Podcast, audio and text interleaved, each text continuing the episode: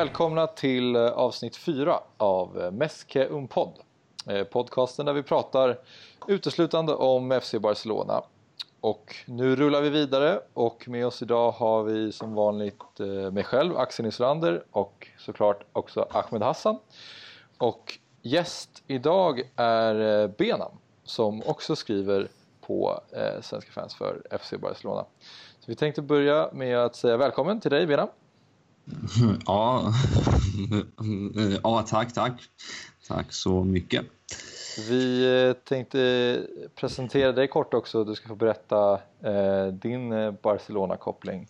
Um, så vi kan börja med att fråga varför blev det Barcelona för dig? Ja, det blev Barca för mig för att jag tyckte om två spelare och det var faktiskt Patrik Klöivert och Rivaldo. Då. Så. Och sedan tyckte jag också om Barsas klubblogga. Då. Det tyckte jag var en jättefin logga. Så. Mm. Kort sagt. Den är fin den loggan. Oh ja, oh ja. när, när började du hålla på dem? Jag började hålla på dem när, när Eh, när jag var åtta år. Och idag är du? Och nu är jag 26. Mm, right. Oh, ja. Så det är i stort sett hela livet? Ja! Ja, och sedan kommer jag att hålla på dem tills jag eh, fyller hund, eh, 105. Okej. Okay. Sen, sen slutar du hålla på? ja, just ja. Nej, jag fattar. Men det är strålande. Vad, vad har du för bästa Barcelona-minne? Eh, bästa Barca-minnet? Eh, det bästa som jag hade var faktiskt eh, Iniestas mål mot Chelsea i Champions i, i Champions League då, mm. som, eh, som avgjorde eh, att de kunde gå till finalen. Va? Men eh, det som kan knäcka där nu, det var faktiskt eh, Sergi Rob, eh, Rob, alltså hans mål mot eh, eh PSG mm. som avgjorde på Camp Nou. Då. Så, det där. Ja, det, det är populärt eh, det målet Iniesta. Ja. Det är många som pratar om det som bästa Barcelona. Ja, det, är bara grym. Så. Det var fantastiskt faktiskt. Ja, faktiskt. Ja, men det är bra val. Eh, ja, verkligen. det tycker jag. Det tycker jag. Ahmed, jag tänker att eh, du kan få dra fem snabba till eh, vår nya gäst. Yes. Eh, är med då? Ja då. Bra. Uh, vi börjar lite enkelt tänker jag. Ter Stegen eller Victor Valdes? Oj. Uh, Victor uh, Valdes. En kort motivering varför? Ja, jag tycker att Victor Valdes har gjort det fantastiskt och det var väldigt synd att han slutade så tidigt. Alltså, men jag tyckte att han blev bättre och bättre med tiden. Så. Mm. Rivaldo eller Romario? Du nämnde ju Rivaldo, men om du sätter han mot Romario? Eh, då säger jag Rivaldo. Och personligt eller tycker du att han var en bättre fotbollsspelare? Eh, ja, ärligt talat Ja, det här blev svårt, men jag tyckte att i, i Barca tycker jag det är Rivaldo, men i Brasilien är det eh, tvärtom. Så. Ja. ja, men det köper jag. Suarez ja. eller Eto'o? Oj. Eh, jag tycker eh, Suarez. Så. Xavi eller Iniesta? Åh, oh, herregud. Det skulle bli lite svårare. Uff. Oh, det här blev svårt, men jag skulle säga eh, Xavi, för han... Eh, jag har inte sett något eh, liknande mittfältare som han. Så. Avslutningsvis då, Ronaldinho eller Lionel Messi? Oh my god! Okej. Okay. Eh, jag säger, alltså jag älskade Ronaldinho på fotbollsplanen eh, och sen att han var så himla eh, glad och liksom så. Men jag, alltså jag måste säga där Messi för jag har inte sett ett, en liknande fotbollsspel. Mm, så det, alltså, han är fantastisk. så. Ja. Så. Det, mm. ja, ja, det var våra fem snabba där. Ja, det var, det var verkligen tuffa frågor att ställa ja, Xavi mot Iniesta. Det är inte helt lätt att välja. Eh, ja, svettigt som tog, ett, Att du valde Suarez över Eto'o blev jag lite förvånad. Jag, tror jag, jag själv hade nog valt Eto'o tror jag. Ja. Fast... Suarez är ju bra, men uh, Eto'o känns som den ligger närmare Barca-hjärtat än så länge. Ja, faktiskt. faktiskt. Speciellt att, att jag började titta på mm när jag började titta på Barcelona seriöst då, det var, ja. det var väl två storhetstid. Det känns som att han, eh, han över en längre period var med och han har betytt så mycket för det, ja, det... För det Barcelona som var då. Så jag är nog också där med dig Axel, att ja. är före dagen över Suarez. Mm. Ja. Jo det, jo, jo, det kan jag hålla med. Jag tänkte bara att, eh, att Suarez har också eh, ja, gjort en hel del, men Eto'o har, har också stått för en hel del eh, ja, fantastiska prestationer. Så det kan jag också hålla med er om. Mm. Då tänkte jag att vi skulle prata lite Katalonien eh, och det som har hänt där den senaste veckan. I eh, söndags så var det ju så höll ju hölls ett val i Katalonien för självständighet eh, som ju den spanska regeringen sa inte var en legitim omröstning mm. och därför skickade de dit poliser som kom lite från olika delar av Spanien och eh, försökte alltså riva ner vallokaler och eh, tog till en hel del övervåld. Ehm, så det var ganska tragiska scener det som hände i Katalonien och därför togs ju då också beslutet eh, kring Barcelonas match mot Las Palmas att den skulle spelas inför eh, ett helt eh, tomt Camp Nou. Ingen publik släpptes in. Vad känner ni kring, eh, kring det beslutet? Var det rätt eller fel att spela matchen och var det rätt eller fel att spela inför tom, tomma läktare? Ja, alltså jag tycker ju först och främst måste jag säga att det var helt bisarrt att titta på en fotbollsmatch eh, på Camp Nou där det var helt tomt och att man kunde höra var, vartenda skrik mm. känns det som kunde man höra genom tv-rutan.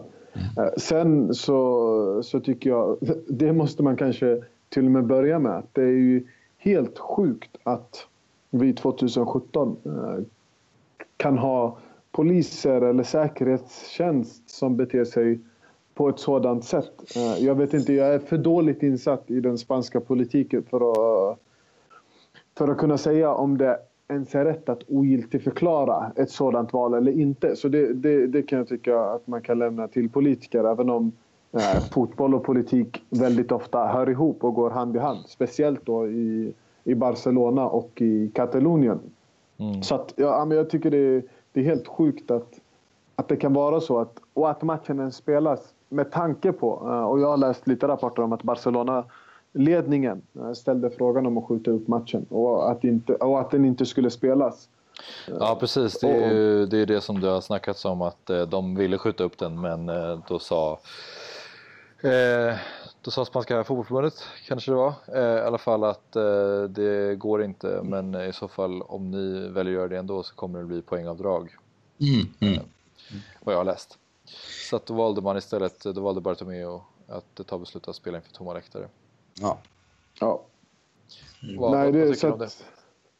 Ja, vad, vad, tycker du Benham? Ja, alltså jag, jag kan väl tycka att eh, det var ju ett väldigt hastigt beslut som presidenten, som Barca-presidenten fick eh, ta. Va? Alltså, han, han, hade, alltså, han hade väl ett akut möte så här, tre eh, tim, alltså, det var väl vid ett-tiden som han höll det, eh, mötet och matchen skulle ju starta 16 och 15. Va? Eh, men jag tycker att, eh, ja visst, matchen borde inte ha eh, spelats. Den borde ha skjutits upp. Men kanske samtidigt, visst, det kändes jättekonstigt att titta på en match där hela Camp Nou var så här jättetomt. Och alltså liksom bara jag själv tittade på den matchen och alltså liksom jag eh, blev så, alltså det kändes jättekonstigt va. Men att spela inför tomma läktare kanske inte var så illa som det, så, alltså, som det lät. För att eh, läget i hela eh, Barca och i hela Katalonien, det kretsade kring detta själv, eh, eh självständighetsvalet. Eh, va? Och eh, jag kan väl tycka kring valet kan jag väl tycka att okej okay då fine. Alltså jag är väl ganska ins insatt i den spanska politiken. Eh, jag kan väl tycka att okej, okay, fine, om, en, om, om man vill vara självständiga då ska man väl eh, eh bli det. Alltså liksom, eh, folket, det var väl 90 procent som, som röstade ja. Även om det var 42 procent av hela Kataloniens befolkning som eh, röstade. Mm. Så tycker, alltså jag, jag kan tycka att 90 är ändå eh, ganska högt. så, eh, och, ja, ja, och ja. Nej men så är det och det är liksom bara så här att eh, för man kan prata om folkomröstningen, man kan prata ja, om dess ja, legitimitet, men det viktigaste är ju det är ju en attack eh, ja. på oskyldiga människor. Och det, är, och det är spelare i Barcelona som ja. påverkas eh, direkt av omständigheterna. Vi vet att Piqué har varit ganska frispråkig kring det här. Vi mm. vet var han står. Klubben, flera andra spelare har tagit ja. ett tydligt ställningstagande. Mm. Och då, då tycker jag att det blir bisarrt med även spelare involverade så pass nära situationen. Mm. Så tycker jag att det är bisarrt att, att, att man lägger fram ett sånt förslag som man får då av ligaförbundet. Att förlora ja. sex poäng. Ja. Eh, eh. Som det blir då om man tänker att man tar inte de tre poäng man skulle ta. Eh, och. Ja, fortsätta. Nej, det jag tänkte säga var ju att det som är märkligt är ju att eh, de, Bartomeu hävdar ju att Barcelona har en så stor del i det här och att man är så pass, mm. så pass involverad i det, vilket man givetvis är eftersom det är en så sån eh, global kraft, FC Barcelona. Eh, och då att skjuta upp matchen och faktiskt ta det här poängavdraget, det hade ju sänt sådana otroliga signaler och det hade ju verkligen gett eko. Han hävdar ju att eh, spela inför tomma läktare var någon form av mellanting, att det ger eko, man ser en, en tom arena och man ser var i publiken, nej de ju rösta för självständighet. Och det är klart att det har han ju rätt i, men om Barcelona skulle välja att skjuta upp den och få, säg 6 poäng poängavdrag, det skulle ju vara ännu större rubriker, det skulle ju ge Kataloniens kamp för självständighet ännu större eller ännu mer rampljus. Så det känns ju som att, sen är det klart att jag förstår ju dem, de vill ju att FC Barcelona ska gå bra som fotbollslag också, men mm. då får man ju väga upp, liksom välja ja. väg lite grann. Ja. Eh. ja, och det där är ju lite svårt. Alltså, tänk att eh, det finns ju icke-katalanska spelare och spelare som kanske inte bryr sig om. Eh, nu tycker jag att kommer man till FC Barcelona så, så har man väl en viss skyldighet att lära sig historien och, och, och ta något form av ställningstagande. Men där, mm.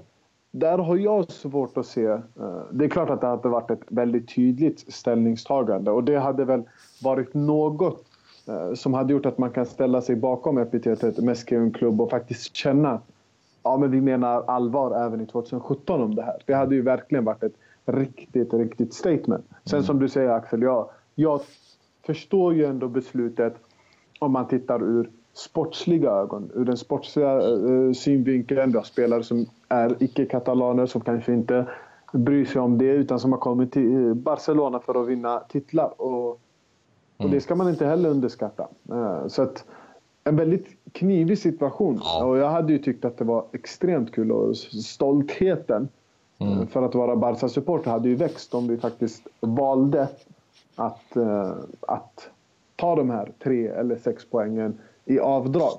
Å andra sidan så säger mitt, den sportsliga sidan av mig att ja, det är fortfarande en fotbollsmatch som måste spelas om vi ska vinna ligan eller om vi ska se till att eh, hålla vår plats som det lag som leder ligan och som är Spaniens just nu bästa lag.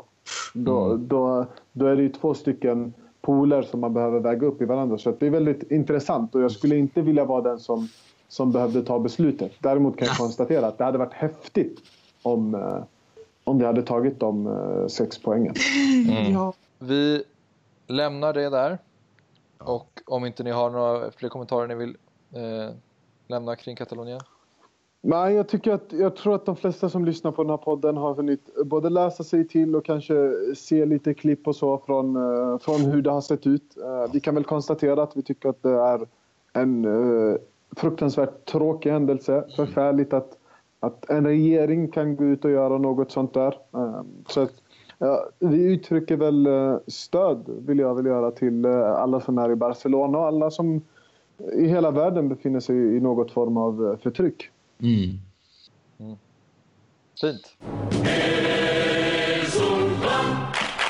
Vi går vidare Ja, då. och eh, pratar lite grann om säsongen hittills. Eh, nu har det ändå spelats ett antal matcher och eh, Beran, vi kan eh, börja med dig. Vad, hur känner du? Är det några utropstecken som du vill eh, lyfta fram? Eh, utropstecken, ja.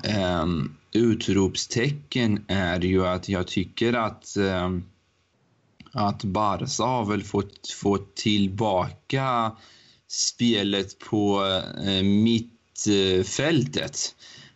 Um, vilket jag tycker är väldigt eh, positivt. Ehm, sedan känns det som att ehm, att laget har nu vunnit vissa matcher mm, som nu borta mot eh, Getafe och sånt som man inte alls spel... Ja, alltså man spelade inte så himla fint men ändå eh, vinner man den matchen med eh, 2-1. Och det tycker jag är positivt för att eh, förra säsongen tyckte jag att när det gick riktigt sämst då, alltså då vart resultatet riktigt sämst. Så. Mm. Mm. Och, och det, det är väl den, den det stora som jag kan eh, eh, lyfta då. Så. Mm. Ehm, Ahmed, vad känner du? Ja, Vad är det största Ja, jag, utropstecket det största, största, om jag tittar på spelmässigt såklart. eh, Roligare, roligt att titta på Barcelona och se att eh, den här dominansen på mittfältet. Nu har det inte varit en extrem dominans skulle jag inte säga. Men jag, jag gillar att se det som man kanske kallar på grinta, på, eh, för grinta på italienska. Alltså, det finns en kämparglöd och kämparanda som, eh, som jag inte tycker att jag har sett i Barcelona tidigare. Eh, tidigare år, i alla fall de senaste säsongerna. Och att, att man inte längre är jätteorolig om det står 0-0 eller 1-1 i den 60 minuten. Man vet att Barcelona löser situationen. Titta senaste matchen mot Las Palmas. Ingen jättebra start, en ganska dålig första halvlek. Barcelona hade kunnat ligga under med 1-0 om det här stolpskottet från Cajeri tror jag att det är. Eh, Det hade kunnat vara 0-1 eh, för Las Palmas. Men ändå så kommer man ut i andra halvlek nästan som ett annat lag. Man tror på spelidén, ser det ut som. Eh, Messi verkar mer taggad. Så att framförallt det, att det, det finns lite grinta i, eh, i laget känns det som. Sen tycker jag att, vi har varit inne på det lite tidigare, men jag tycker att eh, Semedo som inte spelar hela tiden. Men han tycker jag har varit ett riktigt utropstecken. Jag var lite orolig för att eh, vi värvar in en ytterback från Portugal och man vet ju att det defensiva inte är deras starkaste sida. Och så var jag lite rädd för att vi hade värvat in någon halvbytter som, eh, som inte skulle göra det superbra. Men jag tycker han har startat riktigt, riktigt bra. Förvisso inte sats på något större prov än, men jag tycker att eh, det lilla som vi har sett eh, mm. är väldigt, väldigt lovande. Mm. Nej, men jag, jag instämmer och jag pratade om Semedo i podden förut och han är ju absolut rent, om man kollar på spelarna i truppen så är han ju det överlägset största utropstecknen tycker jag också. Mm. Sen i spelmässigt så ja, det är ju inte fläckfritt. Eh, har, eh, trots att Barcelona har vunnit varenda match eh, från, från och med Supercupmötet mot Real mm. så, så har de inte spelat fantastiskt bra men det som har varit bättre har ju varit defensiven som jag återigen vill, vill lyfta fram. Visst, vi har räddats av något stolpskott här och var men jag tycker man ser att det är ett det är ett mer, det är ett mer defensivt balanserat lag och Valverde har börjat liksom leka med 4-4-2 uppställningar och, och han försöker ju ändå eh, täppa till bakåt främst. Eh, eh, och det märker man också på de här första halvlekarna som Barcelona många gånger nu de här senaste matcherna har gjort ganska dåligt. Eh, och sen flyttat fram laget lite grann hela tiden. Och det har ju gett effekt. Så att det är på gott och ont. Det känns ju som att när den här bubblan som Barcelona är i väl spricker så känns det som att det kan gå ut för ganska fort. Men så länge vi har våra bästa spelare skadefria och eh, håller den här fina for formen uppe så tror jag att det kommer rulla på likadant. Ska ju sägas att vi har ganska svåra matcher framöver och vi har mött ganska eh, lätt motstånd i ligan än så länge. Men eh, mm. det känns bra. Mm, det tycker jag. Vad, eh, finns det någonting, eh, några besvikelser? Nu har jag pratat lite utropstecken. Benan, vad, vad känner du? Är det någon, någon spelare eller någonting eh, kring Barcelona rent fotbollsmässigt som du är besviken på? Oj. Eh, besviken och besviken? Nej men, eh, får se. Ja, någonting som du, det är lätt att hylla dem just nu tänker jag, men ja, om det är någonting faktiskt. du inte är så nöjd med som inte har varit bra? Ja, en som, som Alltså, jag, jag, alltså, jag, jag, nej, alltså man kan ju inte vara besviken på han, han på eh, eh, Delo... Eh, alltså, nu har jag svårt att uttala hans eh, namn då, men det... Ja, men det Delofio, ja. Ja, ja. Eh, han, alltså jag tycker att han kämpar och sliter och allt. Men det typiska är att han eh, får inte det som han vill. Så. Och, det, och det tycker jag är lite synd. så. Och sen besviken, ja, alltså största besvikelsen tycker jag när han kom, det är faktiskt eh, Paco Alcacer då. Så. Mm. Han, han har ju inte alls va, eh, varit som han var i eh, Valencia då, så. Och jag tycker inte att han har eh, ja, presterat som han har och därmed kanske det, det, det tyder ju på att han kommer att lämna laget i, i januari då. Så. Och det, och det är väl kanske den stora besvikelsen från min eh, sida. För att laget kunde ju ha satsat på en annan, bättre eh, eh supersub. Så. Mm. Men man valde tills, till slut att uh, satsa på han, uh, ja, på hand och vi, uh, vilket chockade mig lite. Så. Mm. Mm. Jag förstår. Vad, eh, vad tänker du Ahmed? Ja, eh, vi har väl varit lite inne på det tidigare avsnitt och jag tycker att ja, Benham nämner väl eh, både alltså så här, jag är inte jätteimponerad. Däremot tror jag att han kan göra nytta i, i lite mindre matcher. Jag tror att han kommer vara en nyttig spelare. Paco och egentligen Delofio tycker jag hamnar under samma mm. samma tak för mig. För att de har inte spelat tillräckligt mycket tycker jag för att ens få en ärlig chans att göra en rättvis bedömning. Där tycker jag att mm. det har varit väldigt, väldigt lite speltid. Eh, speciellt då för Paco sen han kom. Ja. Och det är ju inte jättekonstigt med tanke på att Suarez är nummer ett. Men om vi går till de som har spelat lite mer regelbundet så har jag två spelare som jag skulle vilja singla ut. Även om vi har berömt försvarsspelet och jag tycker att det ser mycket bättre ut och vi har ju släppt in två mål så det kan vara lite petigt mm. att prata försvarsspelare så tycker jag att eh, Piqué har varit lite av en besvikelse. Jag tycker att det har blivit så. Det är inte den säkerheten som man vill, ville skulle växa fram. Jag, ville, jag såg Piqué som Pujols naturliga ersättare när, eh, när Puyol valde att lägga ner karriären. Nu, nu känns det som att Piqué är en mittback som ska hållas i handen och, och ska, ska vara en del av en bra backlinje. Och han är ju väldigt nyttig, väldigt smart, läser av spelet väldigt bra. Men det är ett par, ett par två, tre gånger per match som jag tycker att han, han är ute och vamsar lite för långt, dräller lite extra med bollen och det, det kan nog straffa sig mot lite bättre lag. Mm. Och jag skulle även vilja påpeka, även om det fortfarande är väldigt tidigt, så är väl Luis Suarez en besvikelse så här långt. Jag tycker att eh, säsongsinledningen har varit väldigt oroväckande. Det har inte varit ett, en jättebra målfabrikation och det har inte varit ett bra spel. Mm.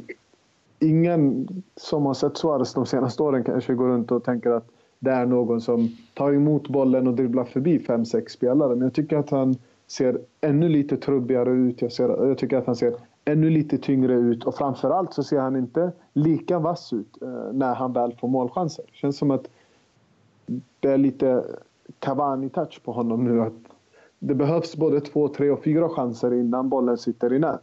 I alla fall i säsongsinledningen. Sen tror jag att det successivt ska, kan bli bättre och man ska inte vara bra i oktober. Eller det är bra att vara bra i oktober men det är faktiskt framåt våren och eh, när det vankas slutspel i Champions League som man ska plocka fram sina absolut bästa matcher. Mm. Och där tycker jag att Suarez under sin tid i Barcelona har visat att han, han kliver fram. Mm. Vad, eh, vad tycker du om eh, Luis Suarez just nu, Benam?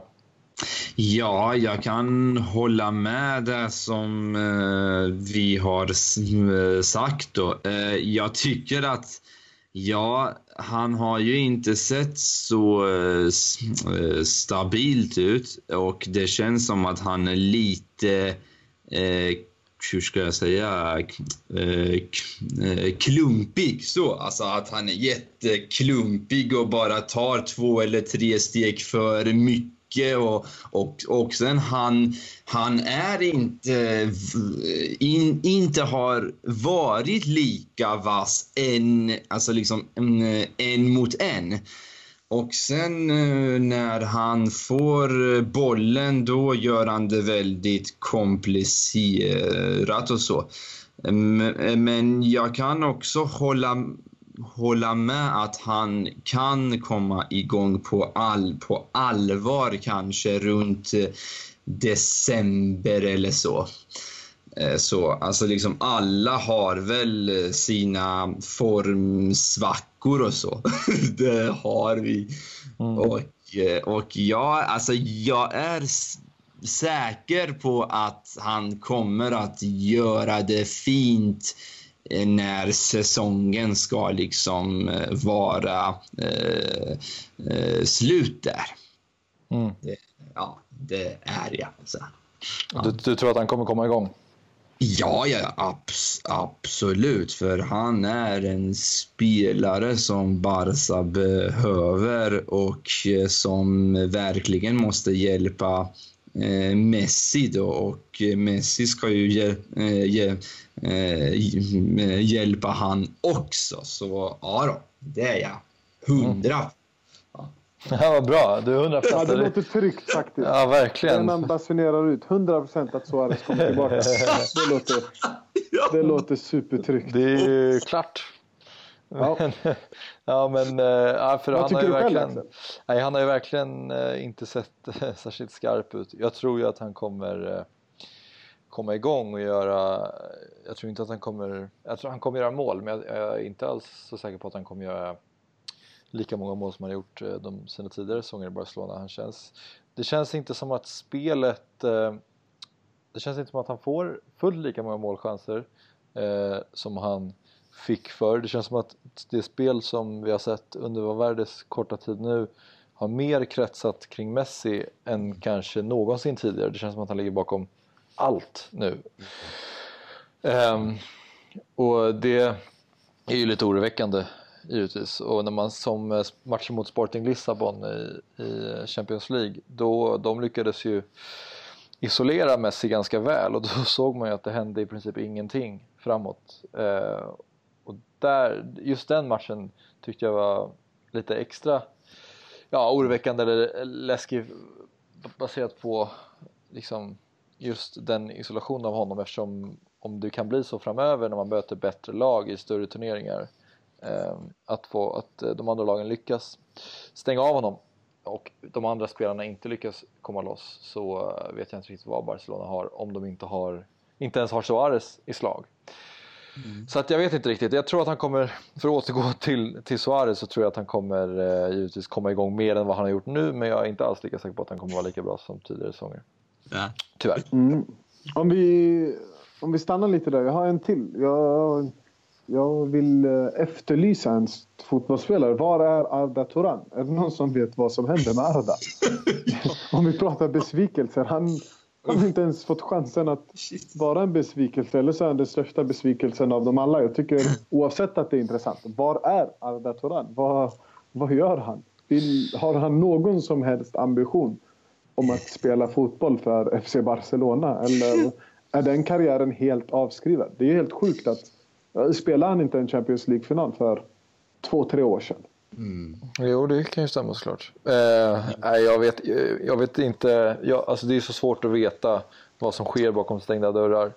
Eh, vad som sägs mellan honom och Valverde. Han var väl eh, skadad i början av säsongen men nu finns det väl ingenting som säger att han inte skulle kunna vara med i truppen och jag tycker ju att Arda är en bra spelare. Jag har ju tyckt att så fort han har kommit in så har han gjort det jättebra. Jag ser faktiskt inte att han inte Jag tycker att det är jättemärkligt att han inte fått spela mer mm. och även under Luis Enrique tyckte jag att han skulle få spela mer så det känns ju ändå som att Alltså, Delofeo och Arda är ju två helt olika spelare men om Delofeo inte lyckas så kanske Arda kan, kan gå in och, och låsa upp det som Delofeo inte lyckas med. Nu har ju Denis Suarez visserligen gjort det bra när han har fått chansen men jag tycker verkligen att eh, den, min bild av Arda Turan är att han kan bidra till det Barcelona som är idag, absolut. Ja, det tycker jag med. Alltså, det chockade mig att han inte alls har fått speltid eller att han inte ens blivit ut, eh, uttagen till match, alltså till de eh, här eh, eh, matcherna. Va? Det tycker jag är ganska chockande för att eh, jag tänkte också att han kunde spela där i an, i anfallet eh, där. Det tänkte jag också på, men han har knappt fått något speltid och, och då tänker jag att så här, bara, oj, eh, vad har hänt? så, eh, och, men det får väl Barca coachen avgöra själv då, men det, det tycker jag är ganska synd för att han han är en spelare som har många kval, eh, kvaliteter som Barca be, eh, behöver och sen är han också självklart eh, eh ja, den bästa spelaren i det eh, turkiska landslaget. Då. Så, eh, en, Enkelt sagt. Så. Vad, vad känner du, Ahmed? Ja, alltså... Jag tycker väl inte att han, han är tillräckligt bra idag eller de senaste matcherna för att vara en startspelare i FC Barcelona. Däremot så som en rollspelare, som någon som man kan slänga in, som någon som startar ett visst antal matcher. Och så här, kollar man Delofio kontra Arda så tycker jag att det vi har sett av Arda tidigare säsonger och det vi har sett av Delofio hittills eh, tycker jag att Arda är en bättre fotbollsspelare överlag. Sen är det lite som ni säger, man vet ju inte riktigt vad som händer. Jag tror att han spelade Turkiet, Turkiets senaste ja. landskapsmatch någon gång i, vad var det, precis innan eh, ja, är det september eller är det slutet av augusti? Då tror jag han spelade mot Kroatien. Kanske det var 5 september säger jag att det var. Mm. Då spelade han mot Kroatien. Så han är ju uppenbarligen tillräckligt bra för att spela i ett turkiskt landslag. Och det är ju klart att det, är, det vore intressant att veta vad som händer.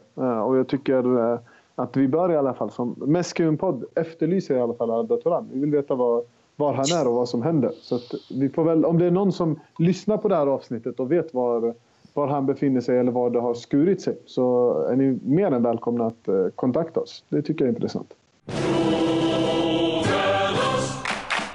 Ja, landslagsuppehåll eh, har vi framför oss. Sverige möter Luxemburg på lördag till exempel. Vad, utöver Sverige, har ni något landslag som ni följer och hur, hur pass mycket följer ni Barcelona-spelarna när de är iväg på, på uppehåll? Ja. Bena, vill du börja? Ja, det kan jag. Alltså ärligt, tag, ärligt talat, visst, jag brukar ju följa Sverige ganska mycket under Eh, landslagsuppehållet, men ärligt talat tycker inte jag att titta på eh, landslag, det, alltså det är in, inte ens kul. Alltså för att eh, jag tycker ju om att titta på eh, eh Barca. Så. och eh, och nej, alltså liksom landslags... Alltså så fort som det är landslagsuppehåll då, alltså då blir jag så här...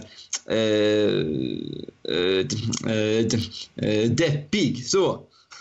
så. så. Mm. Ja. Ja, nej, men jag är inne lite på, på samma grej. Ja. Uh, favoritlandslag utöver Sverige. Sverige är ju det lag som jag som jag följer mest eh, mm. utav förklarliga skäl kanske. Man, man uh, vi är ju svenskar uh, trots allt och det, ja. det, är väl det som är det mest intressanta landslaget. För att ja. Jag vill att Sverige ska ta sig till mästerskap.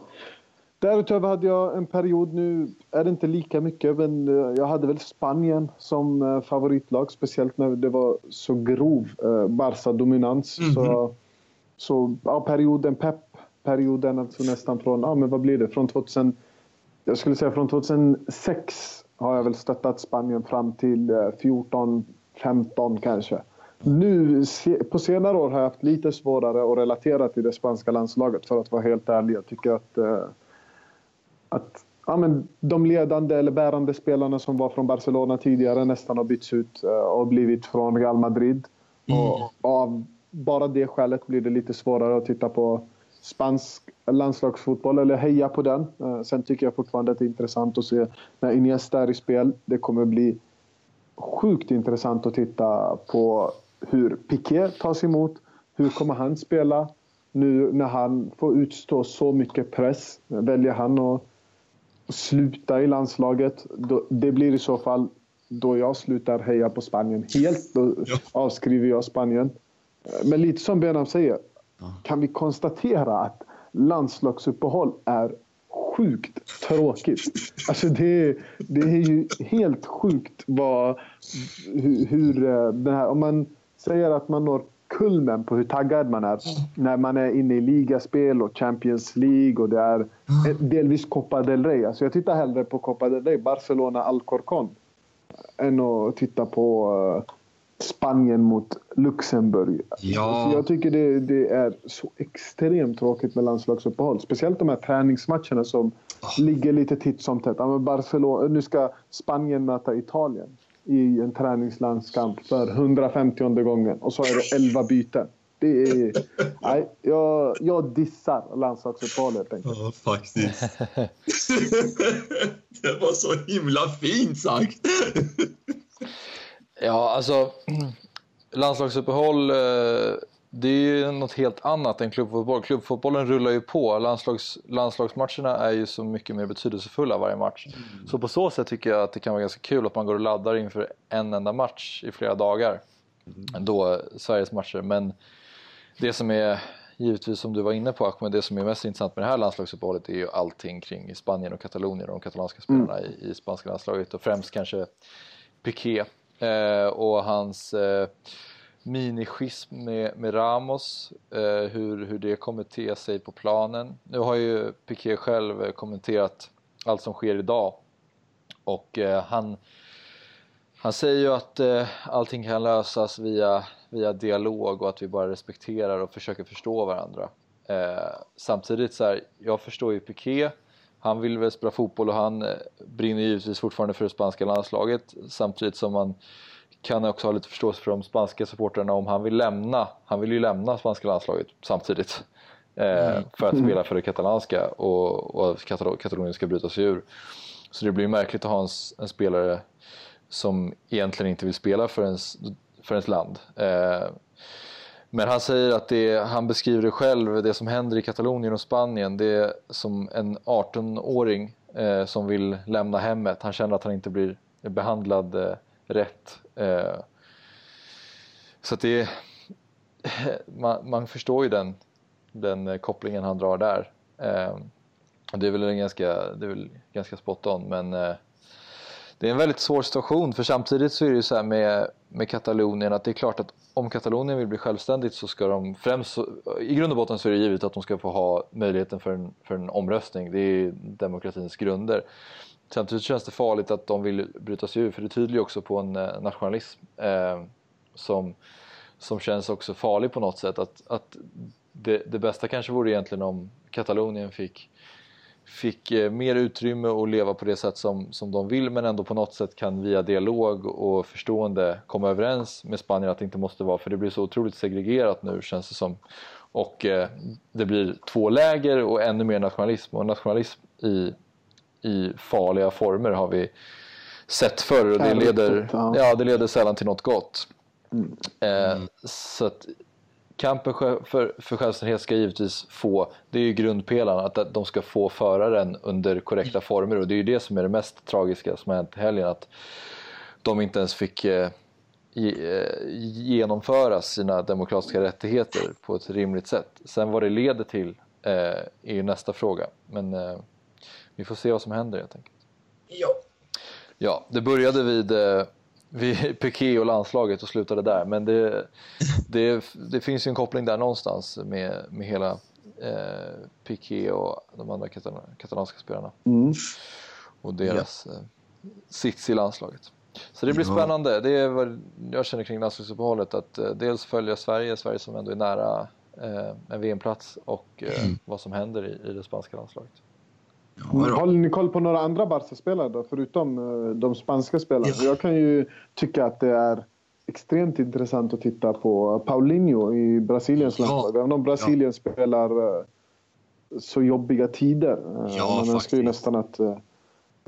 nu har man ju i och för sig via play så att man kan titta på de matcherna efter. Men jag är ju en sån som... Har jag inte tittat på matchen live så har jag jättesvårt att se tillbaka på någonting. Men jag tycker att det ska bli extremt intressant att titta på på Paulinho och se... Där är han ju på något sjukt sätt någon form av nyckelspelare. Han har visat sig väldigt nyttig mm. Eh, så här i säsongsinledningen, även för Barcelona. Eh, mm. Det tycker jag är ja. väldigt roligt att titta på. Och det ska såklart bli roligt att följa Messi och Argentina. Mm. Tar de sig vidare? Vilken prekär situation de befinner sig i just ja. nu. Det, ju, det, kommer också bli så här. Så det finns ju om det är någon gång som landslagsuppehåll är lite intressanta så är det i så fall vid det här tillfället. För nu är det ju, det är ju när allting avgörs. Jag kan ta det här och jag kan ta playoffet för då, då är det ändå något, man har någonting att spela för. Men jag har så svårt att titta på matcher där, där nivåskillnaden är så pass stor. Och landslagen kommer ju aldrig bli lika bra som klubblag för de kan inte plocka ihop spelare. Utan det är det kommer alltid finnas brister i laget. Man kan inte köpa in någon spelare. Så att nivån på fotbollen är ju inte lika bra. Därför har jag haft svårt för det. Men just det här landslagsuppehållet kan ju bli intressant på många aspekter då det faktiskt avgörs eh, på många mm. håll. Ja, och eh, Argentinas landslag, det är alltid... Nu är det svårt att följa dem. Det är alltså mycket beroende på tiderna också. Men eh, det är ju alltid roligt att försöka se så mycket av dem som möjligt eftersom de har så otroligt mycket bra fotbollsspelare men aldrig får ja, till det trots alla olika Ja, det är helt galet. Sen visserligen, de gick till eh, VM-final 2014 så det, det får man ändå säga var något av ett det är ändå ett lyckat mästerskap, så det är klart att de hade velat vinna. Men eh, Ja. generellt så har de ju inte eh, efterlevt sin spelartrupp kan man säga. Spelet har inte speglat truppen och det, är- det är så tråkigt för jag tänker bara på att jag vill att Messi ska få vinna de stora titlarna även med, med landslaget. Med Och de har landslaget, ja. verkligen. Och det känns ju verkligen Verkligen. det blir Ja. e- extra kul att se nu, eh, som du var inne på, att de, har- de har det ju svårt. Eh, Brasilien är ju totalt dominanta i den där gruppen. Eh, och Argentina kommer ju verkligen få slåss med näbbar och klor för att eh, ta sig till VM. Så Faktiskt. det är spännande att följa dem. Eh, nu har jag ingen koll på hur det går för eh, Kroatien i deras eh, grupp och hur det går för Rakitic. Men eh, Frankrike med Umtiti och även Dembélé som ju nu visserligen är skadad. Umtiti känns ju som att han får en större och större roll i Frankrike och de, eh, de följer man ju ganska nära i och med att de är i, I i vår grupp. Sveriges grupp, ja. Exakt. Ja. Ja, precis. Ja, nej men det, det finns en del intressant i alla fall nu, nu när vi avrundar. Så att, ja, vi får se. Jag, jag, jag hoppas ju att vi kan få ett par positiva besked i alla fall. Man vill ju inte att Messi ska missa VM. Det känns Nej. som att det kan vara en, eh, en riktig sån som, som får hans säsong att vända helt. Jag tror att motivationsmässigt så kan, det nog, så kan motivationen få sig en väldigt negativ turn om det skulle visa sig att eh, Argentina missar VM. Mm. Eh, Det, det hade inte alls varit kul. Och Kroatien ligger på samma poäng som Island eh, inför Okej. den sista Okej. omgången. Eh, Så att de har, båda har 16 och sen är det Turkiet och Ukraina på 14. Ja. Och, så det blir extremt, extremt intressant att, att följa med tanke på att Turkiet och Island möts och Kroatien möter Ukraina i sista omgången. Så Mm. finns det ändå en hel del matcher att följa där. Det är väl den jämnaste gruppen. Mm. Ja. Spännande! ja. Men eh, med de orden så tänker jag att vi rundar av den här podcasten. Och Mm. eh, tackar dig Bena Ja, tack, tack. för att du har varit med och Tack pratat lite Barcelona med oss här i avsnitt 4. Vi är tillbaka igen om eh, två veckor som vanligt med mig och Ahmed och eh, så får vi se vem som blir vår gäst då. Tack så mycket!